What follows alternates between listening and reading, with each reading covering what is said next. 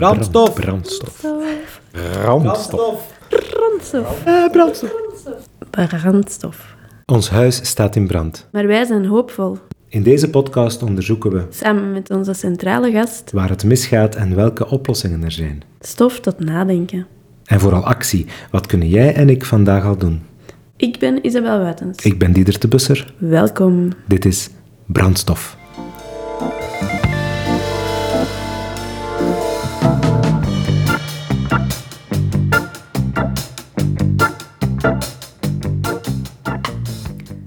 De betonstop heet nu bouwshift. De woonbonus is afgeschaft en over het belang van sociale woningen was er in de aanloop van het Vlaams regeerakkoord veel commotie. Ondertussen breken we alle hitterecords en krijgen we de steden niet meer afgekoeld. Staan we met z'n allen steeds langer in de file en verdwijnen er elke dag in Vlaanderen nog altijd 12 voetbalvelden aan open ruimte. Hoe moeten we onze stad organiseren zodat we met meer, gezonder en socialer kunnen samenleven? Dag Diedert. Dag Isabel. De tweede aflevering van Brandstof gaat over de duurzame stad. Ja, daarvoor hebben wij een kanon kunnen strikken, Erik Rombout. En Erik is bioloog. Een bioloog, Isabel. Wat heeft een bioloog te vertellen over de stad? Aha, maar dat is geen gewone bioloog, hè. dat is een ecoloog eigenlijk. En, zoals we direct gaan kunnen horen, heeft de natuur heel wat systemen waar wij gebruik van kunnen maken om de klimaatuitdagingen in de stad aan te pakken. Mhm, Oké, klinkt eh, alvast heel veelbelovend. Ehm, wat weten we nog over Erik? Erik geeft les over ecologie, zoals je net zei. Ook milieukunde, ruimtelijke planning en ecologische stedenbouw. Onder meer aan de opleiding Mens- en Milieuvriendelijk Bouwen en Wonen van de KU Leuven. Ja, en we hadden hem enkele dagen geleden te gast in onze studio. En Erik is een heel veel bevraagd man. En toen we hem contacteerden, zat hij zelfs in Vietnam. En hij vertelt zelf eventjes wat hij daar in Vietnam gaan doen was.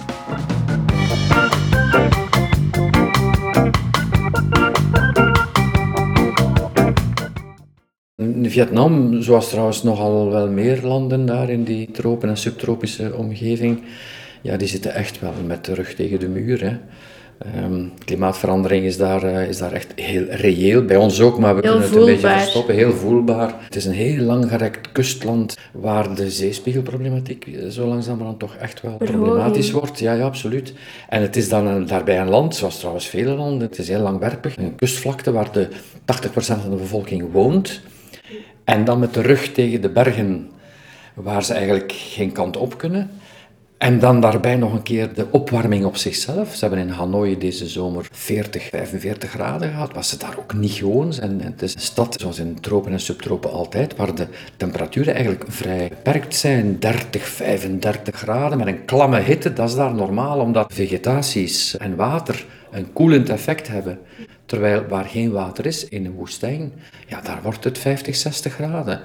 En als je natuurlijk een binnenstad hebt waar je water vergeten bent en alleen asfalt en beton hebt, ja, dan krijg je hetzelfde effect, wat ze dan noemen een hitte-eilandprobleem. En dan tenslotte natuurlijk de tyfoonproblematiek, hè, de hurricanes, hè, die niet alleen Amerika treffen. En als er daar eh, drie doden vallen, dan heeft heel de wereld het geweten. Maar als er een paar honderd eh, doden vallen in Zuidoost-Azië, dan uh, rept daar niemand over. Hè. Wel, enfin, ze zitten echt in de, in, in de frontlinie van de klimaatverandering.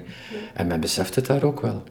En dus proberen we eh, wat wij kunnen toch ook aan academische kennis bij te brengen. Hebben ze daar dan oor naar als het allemaal zo urgent is? Wel, ja, toch wel. Ehm, en zeker de academische omgeving. Dus ehm, ja, men is er zich van bewust. En nee, men weet niet waar te beginnen. Zoals wij dat eigenlijk hier ook niet weten. Hè. Wij vragen al zo lang naar, naar, naar degelijke klimaatplannen. We vragen al zo lang naar energieplannen. We vragen al zo lang naar werkelijk heel gestructureerde aanpak. En we geraken niet verder dan een verkeersdrempeltje hier en een katalysatortje daar en een groen dakje ginder.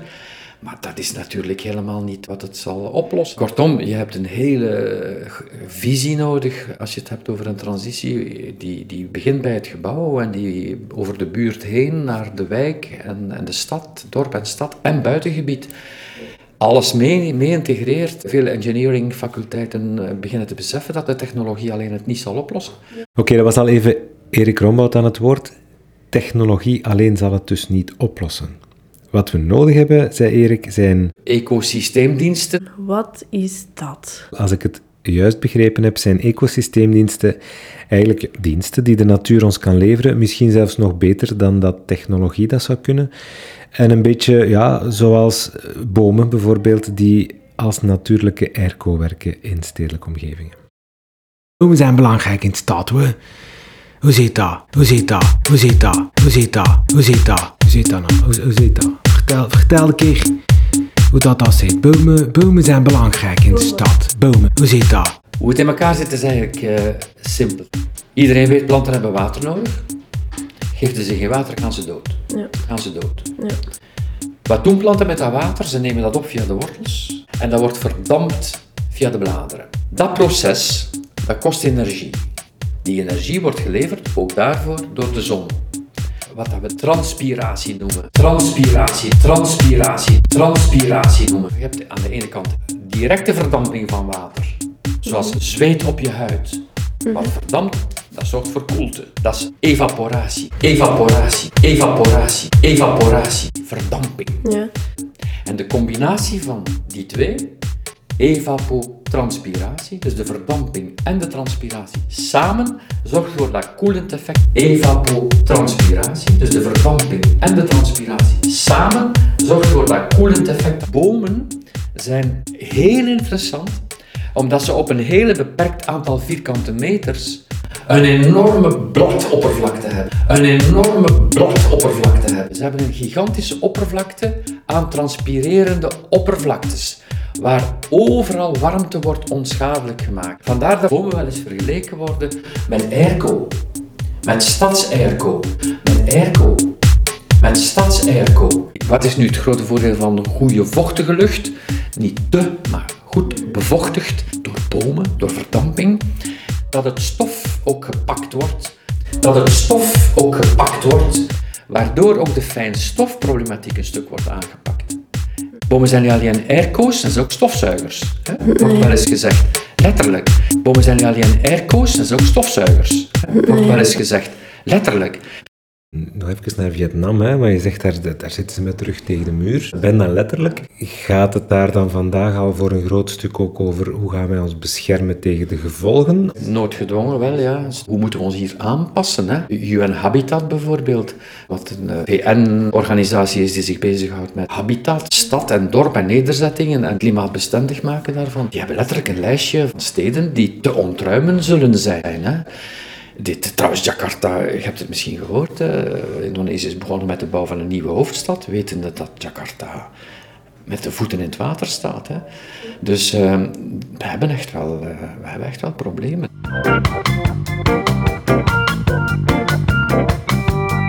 Een van de snelste groeiers in, in hernieuwbare energie bijvoorbeeld op dit moment is China. Hè.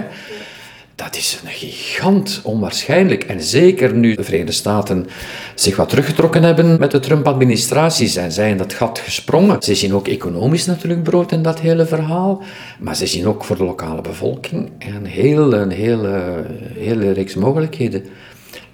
Vooral ook omdat het daarbij, en dat mogen we niet vergeten, dat transitieverhaal, dat is een verhaal van jobs, jobs, jobs. Daar zitten ongelooflijk vele jobs in.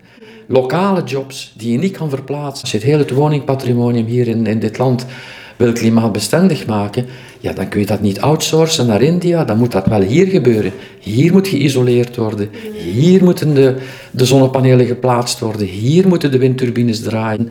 Daar zitten ongelooflijk vele jobs in. Jobs, jobs, jobs. Tja, dat was toch de mantra van Charles Michel? Jobs, jobs, jobs. C'est une obsession.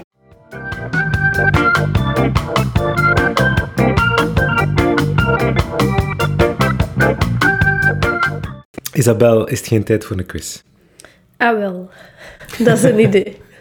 Oké. We hadden trouwens van luisteraars de feedback gekregen dat jij vorige keer veel te streng werd. Nee. Dus eh, een koekje van eigen deeg. Oei, oei, oei. Isabel, ik heb vijf vragen voor u. Gemakkelijke vragen. Gemakkelijk, ja. Over? Zal wel. Over de stad en steden. Oké. Oké. We gaan beginnen met een gemakkelijke. Ja? Juist. Oké. Vandaag woont ongeveer 55% van de wereldbevolking in steden, of toch in verstedelijkte gebieden. Hoeveel zal dat zijn naar schatting in 2050? Je mocht er 2 procentpunt naast. Zoveel. Ik heb dat geweten eigenlijk. Ik zou zeggen 80 procent.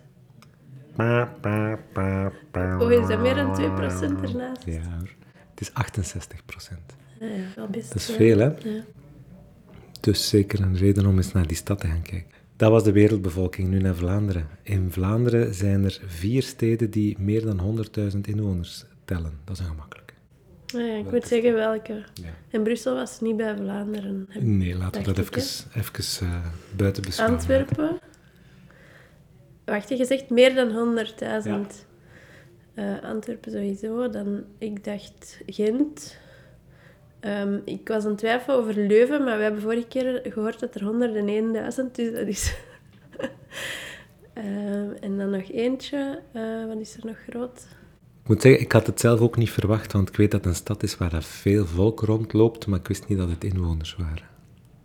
Dat is een tip, hè. Allee, ik ga het zeggen. Bankenbergen. Brugge. Ja. Vraag 3. Tongeren is de oudste stad van België, ja. maar wie noemt zich de stoutste stad? Dat is een van die serieuze vragen, zeker. Ah nee, een stoute stad. Ik wil u wel drie mogelijkheden geven. Ja, graag. Roeselare, Ninove, Tongeren. Ninove. Juist. Oké. Oké, volgende vraag, Isabel. Hoe en voor wat was dat die vraag erin? Een stoute Een stad. stoute stad? Maar op welk gebied is die dan stout? Ja, dat zul je aan de Ninovers moeten vragen. Zijn de Ninofse mensen Moedig, algemeen... Ah, stout als in moedig. als in moedig. Als in ja. dapper. Als in dapper, ja. Ah. Dan had je het wel geweten, nee, dan had ik Mechelen gezegd, hè. Of ja. Oké. De Mobiscore. Ja. Isabel, die is u bekend? Mhm. Ik ben eens gaan surfen en ik heb de Mobiscore van jouw eigen woning opgezocht. Oh my god. Hoeveel bedraagt de Mobiscore van jouw woning? Ik denk eigenlijk vrij goed, omdat wij redelijk dicht wonen bij openbaar vervoer. Dus Mhm. dan, wij wonen dicht bij een busstation. Niet dat we die gebruiken, maar... Ehm, ik zou zeggen 9. Ah, dat keur ik goed. 8,8. Ja, zie. Heel goed. Ja. Mooi. Ik zit maar aan 8,6. Oei, Ja. maar Melle, wat wilde? Nee, nee, nee, nee, nee. Het is gewoon dat wij in onze straat geen bus hadden. Ah, ja, maar wij ook niet, zo dat is daar ook een stukje achter nog. Ja, kijk. Ja, En we hebben wel een treinstation vlakbij, dus dat is wel... ja dat hebben wij dan weer niet, nee, Ja, want het dichtstbijzijnde is... Ik weet het eigenlijk niet, ik denk of Gent Sint-Pieters. De luisteraars die de Mobiscore van hun eigen woning willen zoeken, dat kan op mobiscore.omgeving.vlaanderen.be. Ook even. Nuttig, ja. Zeg, en ehm, hoeveel heb ik nu eigenlijk? De belangrijkste vraag van deze quiz. Hoe ver sta ik al? Ik vind die vraag, gaat Brugge niet juist. Twee op vier hebben. Ja, twee op Dus vier. alles hangt af van de laatste vraag, Isabel. Je Ja. er klaar voor? Ja. Dat, is een, dat is een vraag. Hoe heet de woonvorm waarin een aantal ouderen verspreid in een flatgebouw wonen, elk in hun eigen appartement, maar samen huren ze nog één extra flat. In die flat zoeken ze elkaar dan op voor gezelschap of om samen te eten of ook voor thuiszorg en verpleging. Ik zal u een paar mogelijkheden geven Ja. is dat collective couching? Mhm. Is dat koala wonen? Is dat gestippeld wonen? Of is dat begijn B&B? En dat bestaat echt. dat bestaat echt. hè. Ik heb er nog nooit van gehoord. Echt. Eh, dus oudere mensen die dan eh, gezamenlijk nog een aparte... Ja. Zo een beetje het idee van de loft. Zo. Ja. De film De Loft. De loft, ja. Maar dan voor ouderen. Judy had ik nog kunnen tussensteken. Ah, ik vind dat bij laatste wel een mooie, maar het trekt misschien niet helemaal de lading. En ook niet alle oude mensen zijn begijntjes. Wonen. Ik denk koala wonen. Nee? Jammer. Allee, wat was het Gestippeld wonen. gestippeld. Oké, helaas, Isabel. Ja. 2 op Ja. 5.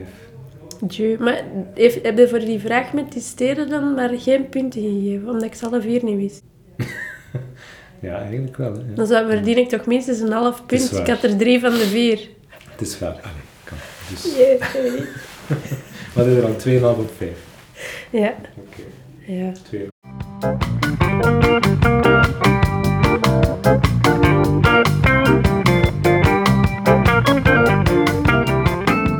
Wat zijn de uitdagingen waar wij tegenlopen in de stad?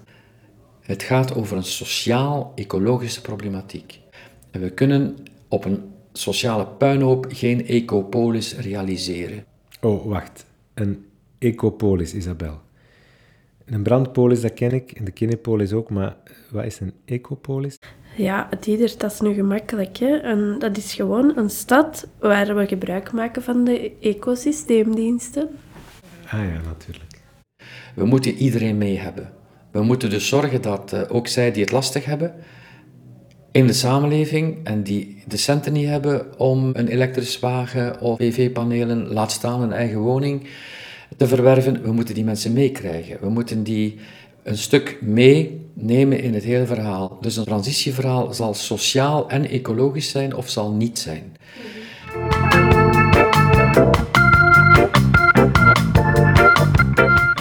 En daar is het credo, onze zwakste mensen, onze sociaal zwakste segmenten in de samenleving, verdienen de beste, de duurzaamste, de milieuvriendelijkste huizen. Want zij hebben de minste middelen, dus moeten ze de beste huizen hebben. Want daar zijn de minste kosten aan. Maar natuurlijk, de kosten gaan vooruit op de baten. Dus te zeggen, je moet eerst investeren en nadien kun je plukken. Sociale huisvesting in Oostenrijk is verplicht passief standaard. Dat kost wat meer.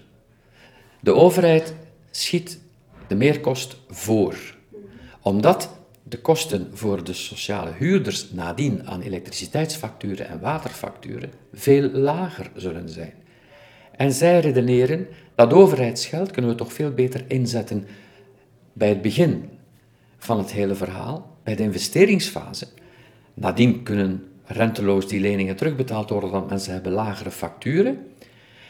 Dan op het einde, waar je dan met stoooliefondsen en mensen moet gaan depaneren omdat ze hun facturen niet, niet betaald krijgen van fossiele brandstof, omdat hun huis te slecht geïsoleerd is of wat dan ook.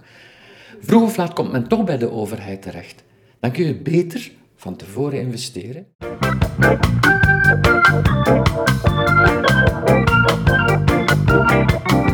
En we zien ook de succesvolle verhalen die we bezocht hebben op veel studiereizen in binnen- en buitenland, die steunen op drie pijlers.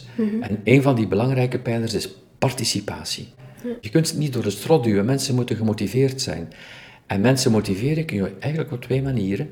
Ofwel ze straffen als ze niet meedoen, met belastingen en ecotaxen en weet ik veel wat. Dat is niet sympathiek en het werkt ook slecht. Of je kunt ze belonen als ze wel meedoen.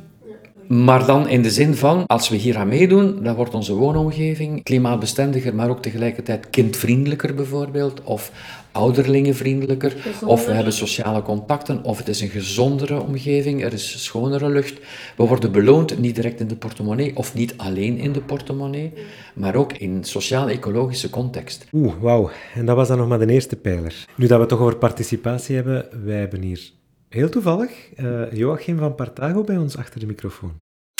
De minuut. De minuut. De minuut is een sociale ondernemer die we één minuut de tijd geven om zijn of haar bedrijfje voor te stellen. Dank u, Dietert. Inderdaad, ik ben Joachim van Partago. Partago is elektrisch autodelen en wij voorzien dus onze elektrische auto's in de straat. En onze 650 leden die kunnen onze auto's, het zijn nu al 50 in totaal, gebruiken zeer eenvoudig via een smartphone-app die we zelf ontwikkeld hebben. Dus je kan eenvoudigweg onze app downloaden en zo de auto's gebruiken. En over participatie gesproken, wat is zo speciaal aan Partago? Naast dat wij de eenvoudigste en de leukste en met de meest fun zijn, uh, we zijn ook een burgercoöperatie. Want wij willen samen investeren in elektrische auto's en samen genieten van een superdienstverlening.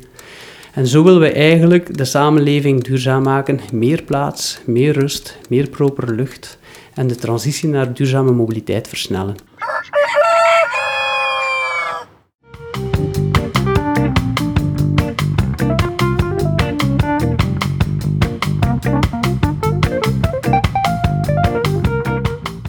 Participatie is een belangrijke, want zonder participatie kan je die twee andere niet voor elkaar krijgen. Maar wat zijn nu die twee andere pijlers? En die twee andere pijlers, dat zijn de stromen, de debieten, kom erop terug, en de plekken, de omgeving, de leukheid. Misschien eerst het eerste, die pijler, de stromen. Wat is een ecopolis, een ecologisch gestuurde stad? Dat is een stad die debieten onder controle krijgt. Debieten van water, debieten van grondstoffen, debieten van brandstoffen, van bouwmaterialen, van zoveel zaken die wij uit het platteland halen, met gigantische stromen naar de stad toe. En als we iets tekort hebben, dan maken we de leidingen groter en breder en gaan we de debieten vergroten naar de stad. En van de weeromstuit krijg je natuurlijk ook een gigantische stroom uitwaarts de stad. Van vuile lucht, van vuil water, van bouwafval, van miserie allerhande, die we dumpen op hetzelfde platteland. In de lucht, in het water, in de zeeën, in de rivieren. Je moet niet verbaasd zijn dat die vroeg of laat elkaar in de staart bijten. En dat je vroeg of laat grondwater oppompt, dat zwaar verontreinigd is met nitraten en met fosfaten, die allemaal komen uit die stedelijke omgeving waar we varkens kweken, waar we gigantisch vele inspanningen leveren voor voeding, eh, waar we gigantisch eh, ook uit het buitenland gigantische hoeveelheden veevoeder naar hier brengen, om daar onze kippen en onze varkens mee eten te geven, die daar een beetje vlees van maken en vooral veel stront. En die stront voeren we niet terug naar Brazilië en naar Thailand en naar de Filipijnen. Die blijft hier. En dat is een van de vele voorbeelden. Dus we moeten, met andere woorden, in die stad de, de stromen, de debieten onder controle krijgen. En dat kunnen we doen door in de stad interne maatregelen te nemen naar circulariteit toe. Naar circulariteit toe. Naar circulariteit toe. Proberen maatregelen te nemen die ons helpen om de debieten te verkleinen. En een klassiek voorbeeld is water.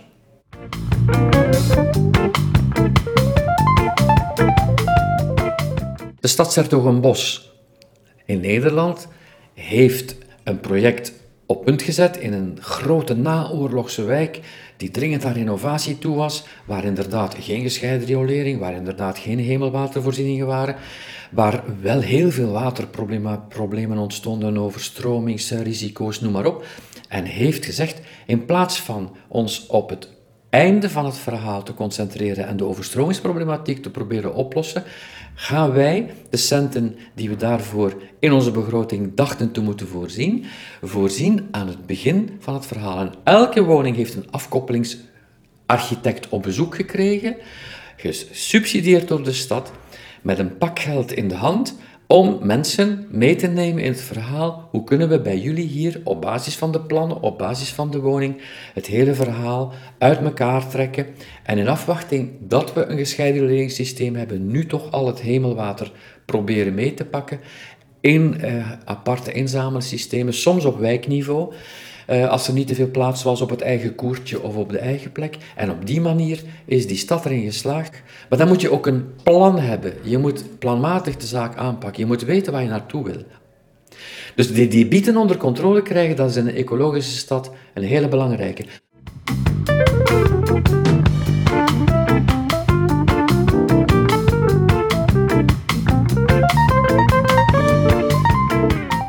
Dat brengt mij bij die derde pijler. Naast de participatie, de bewoners. Naast het onder controle krijgen van de debieten, stromen. Probeer dat te doen, de beide.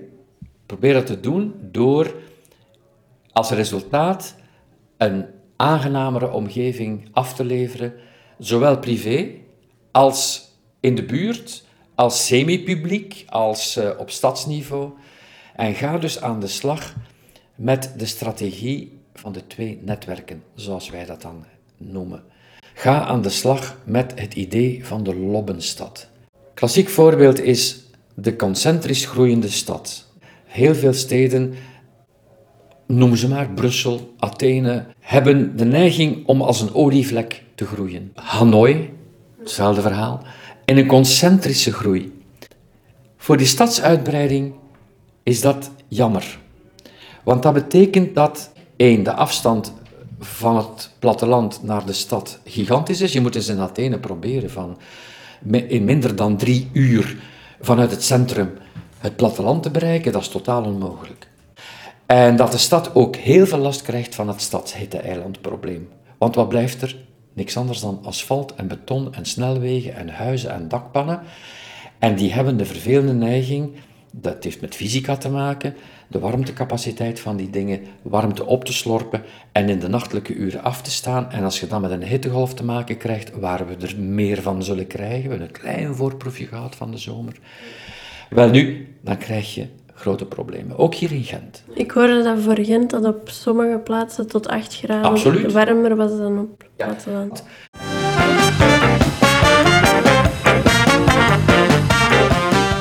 We zien dat in succesvolle steden, zoals Kopenhagen, dat is zo'n klassieker.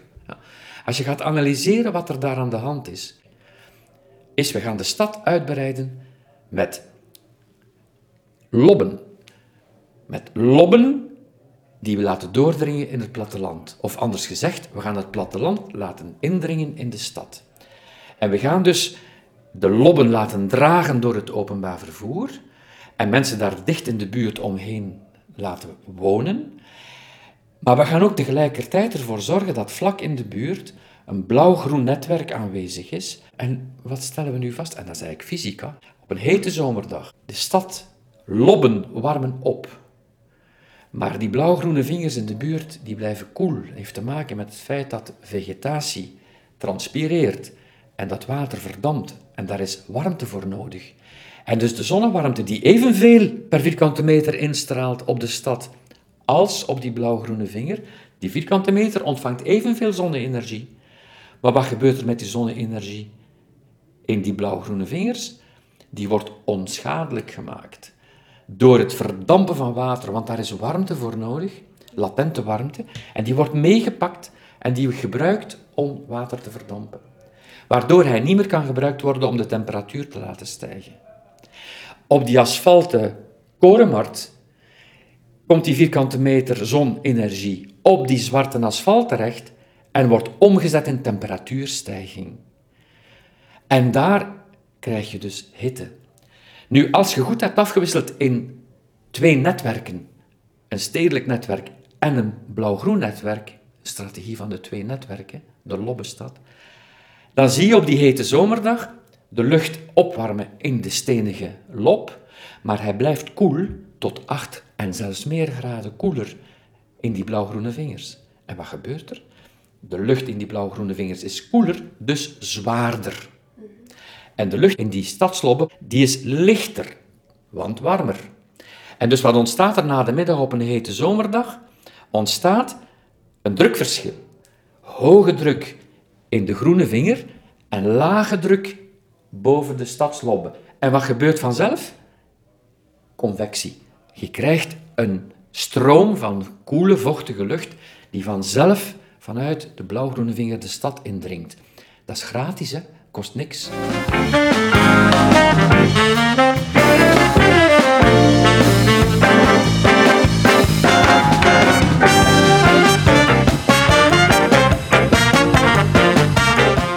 Dat brengt ons uh, naadloos naar Freiburg hoor. Weet u, eigenlijk is het hele, hele verhaal in Freiburg in de jaren 60 al van de vorige eeuw geïnduceerd door zware milieuproblemen. Er werd gestookt met bruinkool, met steenkool in individuele kachels. En je weet Freiburg misschien daar wel te vinden in het Zwarte Woud, in een vrij diepe vallei, omringd door het middelgebergte van het Zwarte Woud. Heel lastig klimaat, weinig ventilatie in de stad. De luchtverontreiniging was immens, er was protest van de bevolking. Kortom, het is ook uit nood geboren. En men heeft daar een aantal visionaire maatregelen genomen. En heeft bijvoorbeeld als een van de allereerste steden, in heel Europa trouwens, het doorgaand verkeer door de stad, wat ook een belangrijke bron was van bijkomende vervuiling, radicaal onmogelijk gemaakt. Maar een alternatief. En het alternatief was, en dat is een discussie die in die tijd toen ook in Gent trouwens werd gevoerd, gaan we een metro bouwen of gaan we geen metro bouwen? De bevolking heeft daar radicaal gekozen, zoals trouwens in de jaren 70 ook in Gent. Wij gaan geen metro bouwen. Maar men heeft toen wel de consequenties die dat besluit met zich meebracht genomen. En het besluit was, als het niet een metro kan zijn onder de grond, dan gaan we metrokwaliteit bouwen boven de grond. En men heeft dus het hele openbaar, dat heeft, dat heeft jaren geduurd, hè, dat is van vandaag op morgen, het hele metronetwerk bovengronds eigenlijk uitgebouwd in combinatie nog met een voorstadsnetwerk, waardoor het openbaar vervoer overal prioriteit heeft gekregen. Dat is niet alleen daar, dat is bijvoorbeeld ook in Zurich uh, in Zwitserland. Want dat is dan de kapstok geworden waarop dan de stadsuitbreiding verder is uh, geënt. En dan zijn door een aantal bewonersgroepen initiatieven genomen naar eco-wijken toe. En dan zijn een aantal zaken gegroeid, zoals de Vaubanwijk, de veelbesproken Vaubanwijk, die dan rond zo'n tramnetwerk is gebouwd. De wieg van het autodelen eigenlijk. Weet u, als we laatst waren, dat in de Vaubanwijk daar, en ook de wijk een beetje verderop, de hele nieuwe wijk, die ook volgens de Lobbestad is gebouwd. Ik zou dat moeten kunnen laten zien aan, aan, de luisteraars, hoe dat in elkaar zit, maar gedragen door het openbaar vervoer. Vrij beperkte dimensies. Eh, in alle literatuur is dat zo'n 500, 600 meter breed, zo'n stadsloop. Waarom? Waar je ook woont, je woont nooit verder dan 300 meter van het centrale openbaar vervoer. En je woont ook nooit verder dan 300 meter van de blauw-groene vinger, waar de kinderen kunnen spelen en je kunt uh, gaan vissen en gaan zonnebaden. Als ik er laatst was, wat bleek? Nog één gezin op de tien heeft daar nog een eigen auto. Niemand heeft gezegd dat ze geen auto mogen hebben. Mhm. Maar waarom zouden ze? Er zijn deelautosystemen, er is openbaar vervoer, dag en nacht. Er is een fietspadennetwerk.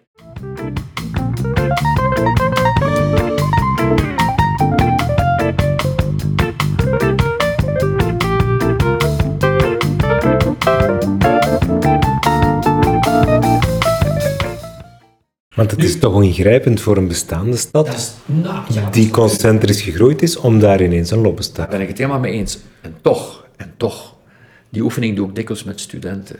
We pakken een willekeurige kaart van een willekeurige stad die ergens in Europa, neem Charleroi of neem, weet ik veel, Dresden of welke dan ook, en plooi de kaart open en pak de bril van de Lobbenstad van de twee netwerken, zet die op en kijk eens een keer wat in die stad mogelijk zou zijn. Is het openleggen van de kouter hier in Gent daar een voorbeeld van? Er zijn hier en daar uh, in heel wat Vlaamse steden ook groeiende initiatieven.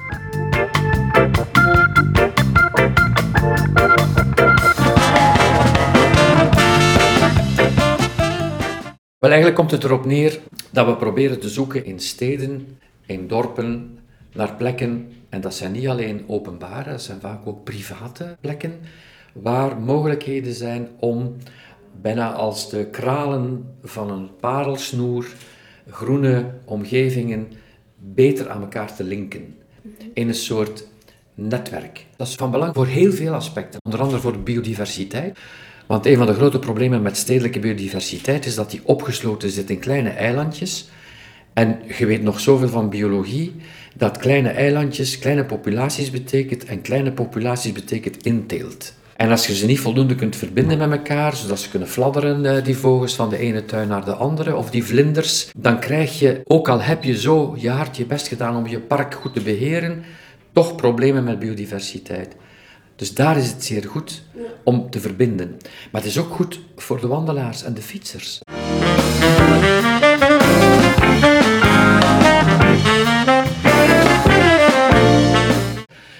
Want u kan zich goed voorstellen dat de klimaatverandering, die op dit moment heel hard toeslaat, ervoor zorgt dat Zuid-Europese soorten natuurlijk naar het noorden uitwijken en dat Noord-Europese soorten verder naar het noorden. Maar dat gaat natuurlijk niet zomaar. Daar heb je natuurlijk ook netwerken voor nodig. En die blauwgroene netwerken zijn autosnelwegen voor die vlinders, voor die kevers, voor die planten en dieren. Als dat niet zo is, hè, dan lopen ze in wat wij een ecologische val noemen. Dan wordt het warmer, dan komt het klimaat aandringen, ze gaan dood, tenzij ze zich naar het noorden en ze kunnen niet. Voilà, ze worden gewurgd in een geïsoleerd natuurgebied. Bijvoorbeeld ook wat je net zei, een geïsoleerd natuurgebied in een stad is eigenlijk een val. Ik kan me voorstellen dat sommige politici, om goed te doen, misschien wel investeren in het uitbreiden of het aanleggen van natuurgebieden, maar als ze daar niet bij stilstaan, dat je ook moet verbindingen leggen. Natuurlijk, je kunt maar een kralensnoer maken met kralen. Dus de- Ja, ja. je hebt de kralen wel nodig. Hè? Ja. Zonder kralen ook geen snoer.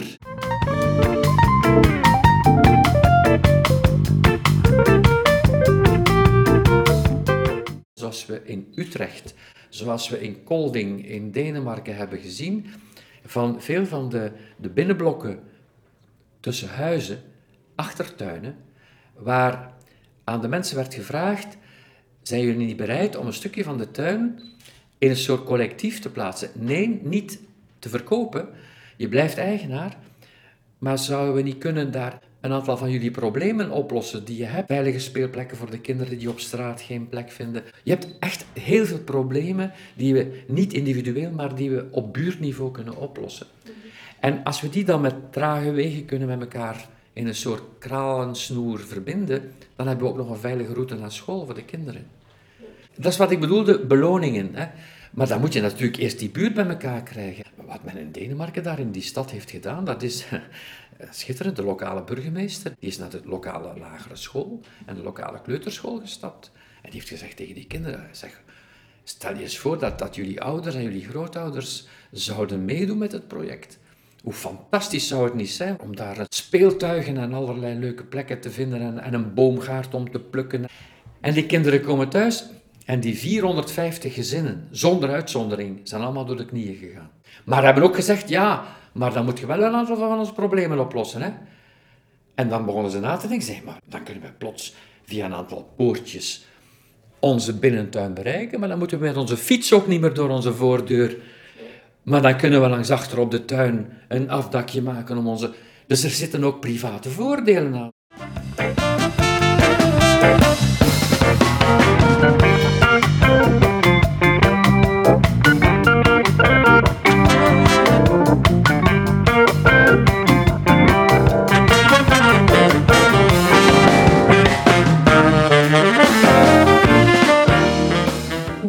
Vlaamse bouwheer is voorstander van... Bouwmeester, ja. Ja, ja, ja. Bouwmeester, Ja, maar ik ken- zeg ik bouwheer? Hij zal Bouw- graag hebben dat je de bouwmeester. bouwheer noemt.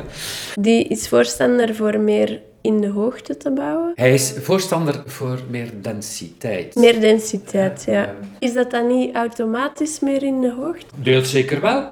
Als je de densiteiten van onze steden vergelijkt met densiteiten van echte steden in het ons omringende buitenland, dan valt op dat onze densiteiten in onze steden ook zeer laag zijn. Hij noemt dat, de, de bouwheer, de bouwmeester, noemt dat de pretfactor van het platteland. Als we de verkavelingsbewoner met zijn droom naar de stad willen lokken, dan moet je beginnen denken, wat kan die allemaal in zijn villa? Die gaat mountainbiken, die komt met een modderige fiets thuis, die zet die op de oprit en die spuit die af en neemt die mee naar zijn garage. Je woont in een appartement, je gaat mountainbiken, je komt met een modderige fiets thuis, zo twee bruine strepen door de hal, de lift helemaal vuil, de conciërge boos, die in je badkuip, je spuit die af, na twee keer fietsen is je sifon verstopt. Appartementsbewoner is in Vlaanderen gestraft omdat we geen dingen maken om daar evenveel pret in te hebben. Dus de pretfactor van onze stadswoningen moet serieus omhoog. Met daktuinen, met serres, met urban farms, met pret voor de kinderen. De pretfactor, dat is datgene wat mensen naar het platteland lokt. Hij zegt wat we moeten doen, dat is die pretfactor vertalen naar stedelijk, niet alleen stedelijk, hij heeft het over kernversterking. Het misverstand, hij pleit niet voor verstedelijking, hij pleit voor kernversterking. Hij zegt mensen vallen tussen twee stoelen vandaag. Ze wonen niet op platteland in een verkaveling, ze wonen ook niet in het dorp. Maar ze hebben wel de auto nodig om naar het centrum te rijden, om de bakker en de beenhouwer te vinden of om de supermarkt te vinden. En zonder die auto zitten ze te vereenzamen in hun eh, veel te grote, niet geïsoleerde woning. Dus eh, ze vallen, wij vallen tussen twee stoelen. En de financiële middelen ontbreken dan om dat op te lossen, de private middelen ontbreken. Dus eigenlijk zegt hij, zouden we moeten naar systemen gaan, omdat dit zoveel geld kost aan de samenleving, om dat geld te besteden aan het maken dat de kernen versterkt worden, al in de eerste plaats voor die groepen waar het nu lastig is, bijvoorbeeld die ouderen. Dat we zoeken naar manieren op zeer sympathieke nieuwe vormen van co-housing-achtige en aanverwante vormen van centraal wonen bij elkaar te brengen. Een beetje, ik vergelijk het zo'n beetje met, met wat de Begijnhoven in de tijd in vele middeleeuwse steden uh, waren. Dat waren van, nu nog fantastisch leuke plekken waar eigenlijk zeer dens gewoond werd in relatief kleinere panden, maar wel met een centrale, vaak een centrale plek. Gemeenschappelijke een gemeenschappelijke ruimte. ruimte. de kapel, maar ook de eetzaal en aanverwanten, waar een gemeenschappelijke boomgaard en binnentuin was. Dus, Ja, ja, ja. je begrijpt- dus Dat is ook een socialere wij hebben nood van wonen. Exact. We hebben nood aan architecten en planners die op een zeer creatieve manier zoeken naar de vertalen van die pretfactor in een densere vorm van wonen. En hier en daar gebeurt het goed, hè? Want bijvoorbeeld, er is een sociale huisvestingsmaatschappij in de Kempen. Ze heet De Zonnige Kempen. En in De Zonnige Kempen is er een directeur, een fantastische man, een ingenieur-architect. Hij zegt, in mijn sociale woningen kunnen alle bewoners altijd de kerktoren zien. Niet om die kerktoren, maar om aan te geven, wij bouwen op de beste plekken in het dorp, waar je geen auto nodig hebt. Trouwens, als je met een rollator buiten komt, is het zonder auto. Maar je kunt nog wel naar de kerk, naar de beenhouwer, naar het parochiehuis. Dat bedoel ik met plekken. Sociaal-ecologische connecties, knopen. Onze dorpen zijn de knoopfunctie kwijt. Sterker nog, doordat ze ze kwijt zijn, is de bakker ook gaan lopen in de Westhoek, gaat een beenhouwer weg, sluit het lokale schooltje, want de ouders pendelen, nemen de kinderen mee naar het dagverblijf in de stad. Ja, ja. Dit is een ramp. Maar alles wordt met een camionetje geleverd hè, door HelloFresh en Dat is Bol.com. Absoluut, absoluut, absoluut. Ja. Ook daar gaan we van terugkomen. Zeker weten.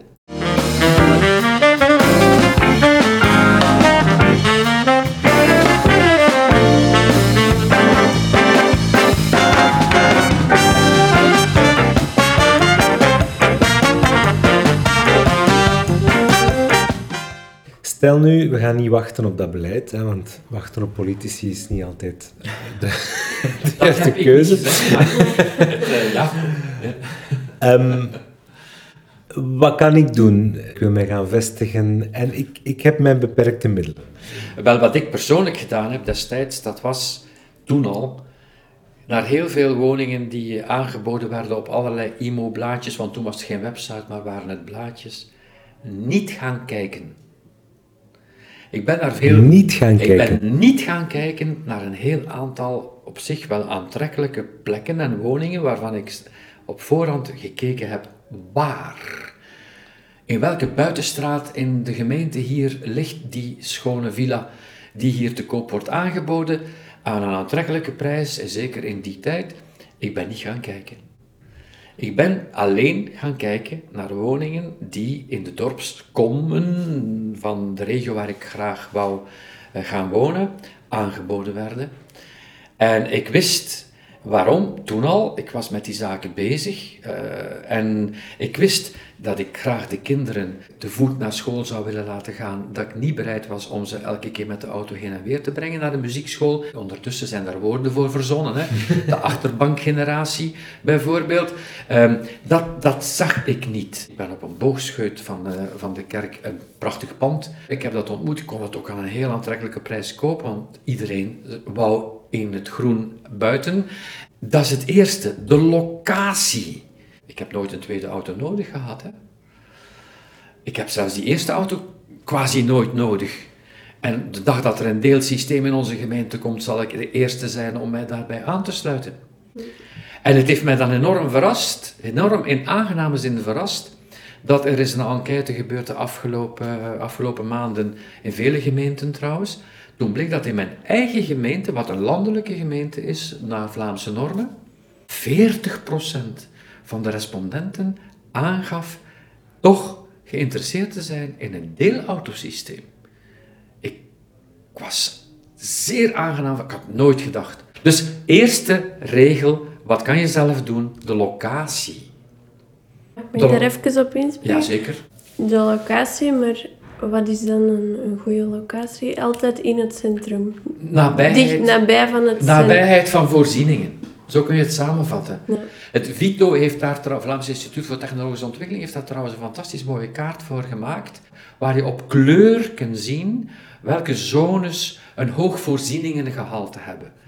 En eigenlijk, wat het beleid hoort te doen, is te faciliteren en bouwvergunningen en eh, wat mij betreft eh, onroerende voorheffingsmechanismen en dat soort zaken meer in te zetten om het goed... Nu zijn die, nu zijn die juist vaak duurder hè, om je daar in te kopen. En de ver afgelegen plekken zijn vaak veel goedkoper. Veel mensen vluchten Gent hieruit omdat het zo duur is. Dus mijn pleidooi is dat de overheid het wenselijk gedrag zou goedkoper maken en het onwenselijk gedrag duurder maken. En men doet verborgen juist het omgekeerde.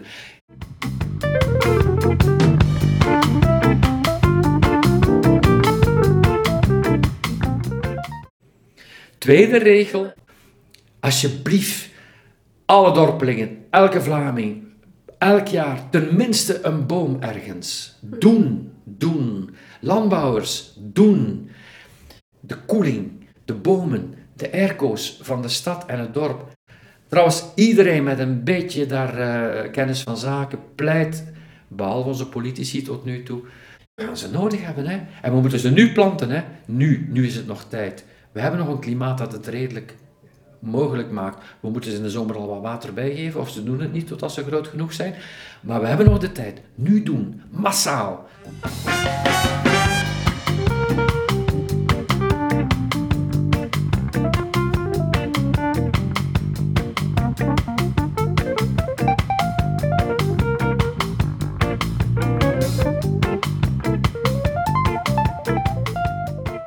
Dit was Brandstof, een podcast van Isabel Buitens en Dieder de Busser. Bedankt voor het luisteren. Wij danken de Jamaican Jazz Orchestra voor hun leuke tunes. De volgende aflevering bouwen we voort aan de sociaal-ecologische stad. Dan praten we met Lies Cornelie, schepen van wonen in Leuven. Geef deze podcast je stof tot nadenken, vergeet je dan niet te abonneren. Je kan ons helpen groeien door brandstof aan te bevelen bij je vrienden. En werk je graag mee aan deze podcast? Check dan zeker onze website www.podcast-brandstof.be. Tot de volgende! Doedeloe!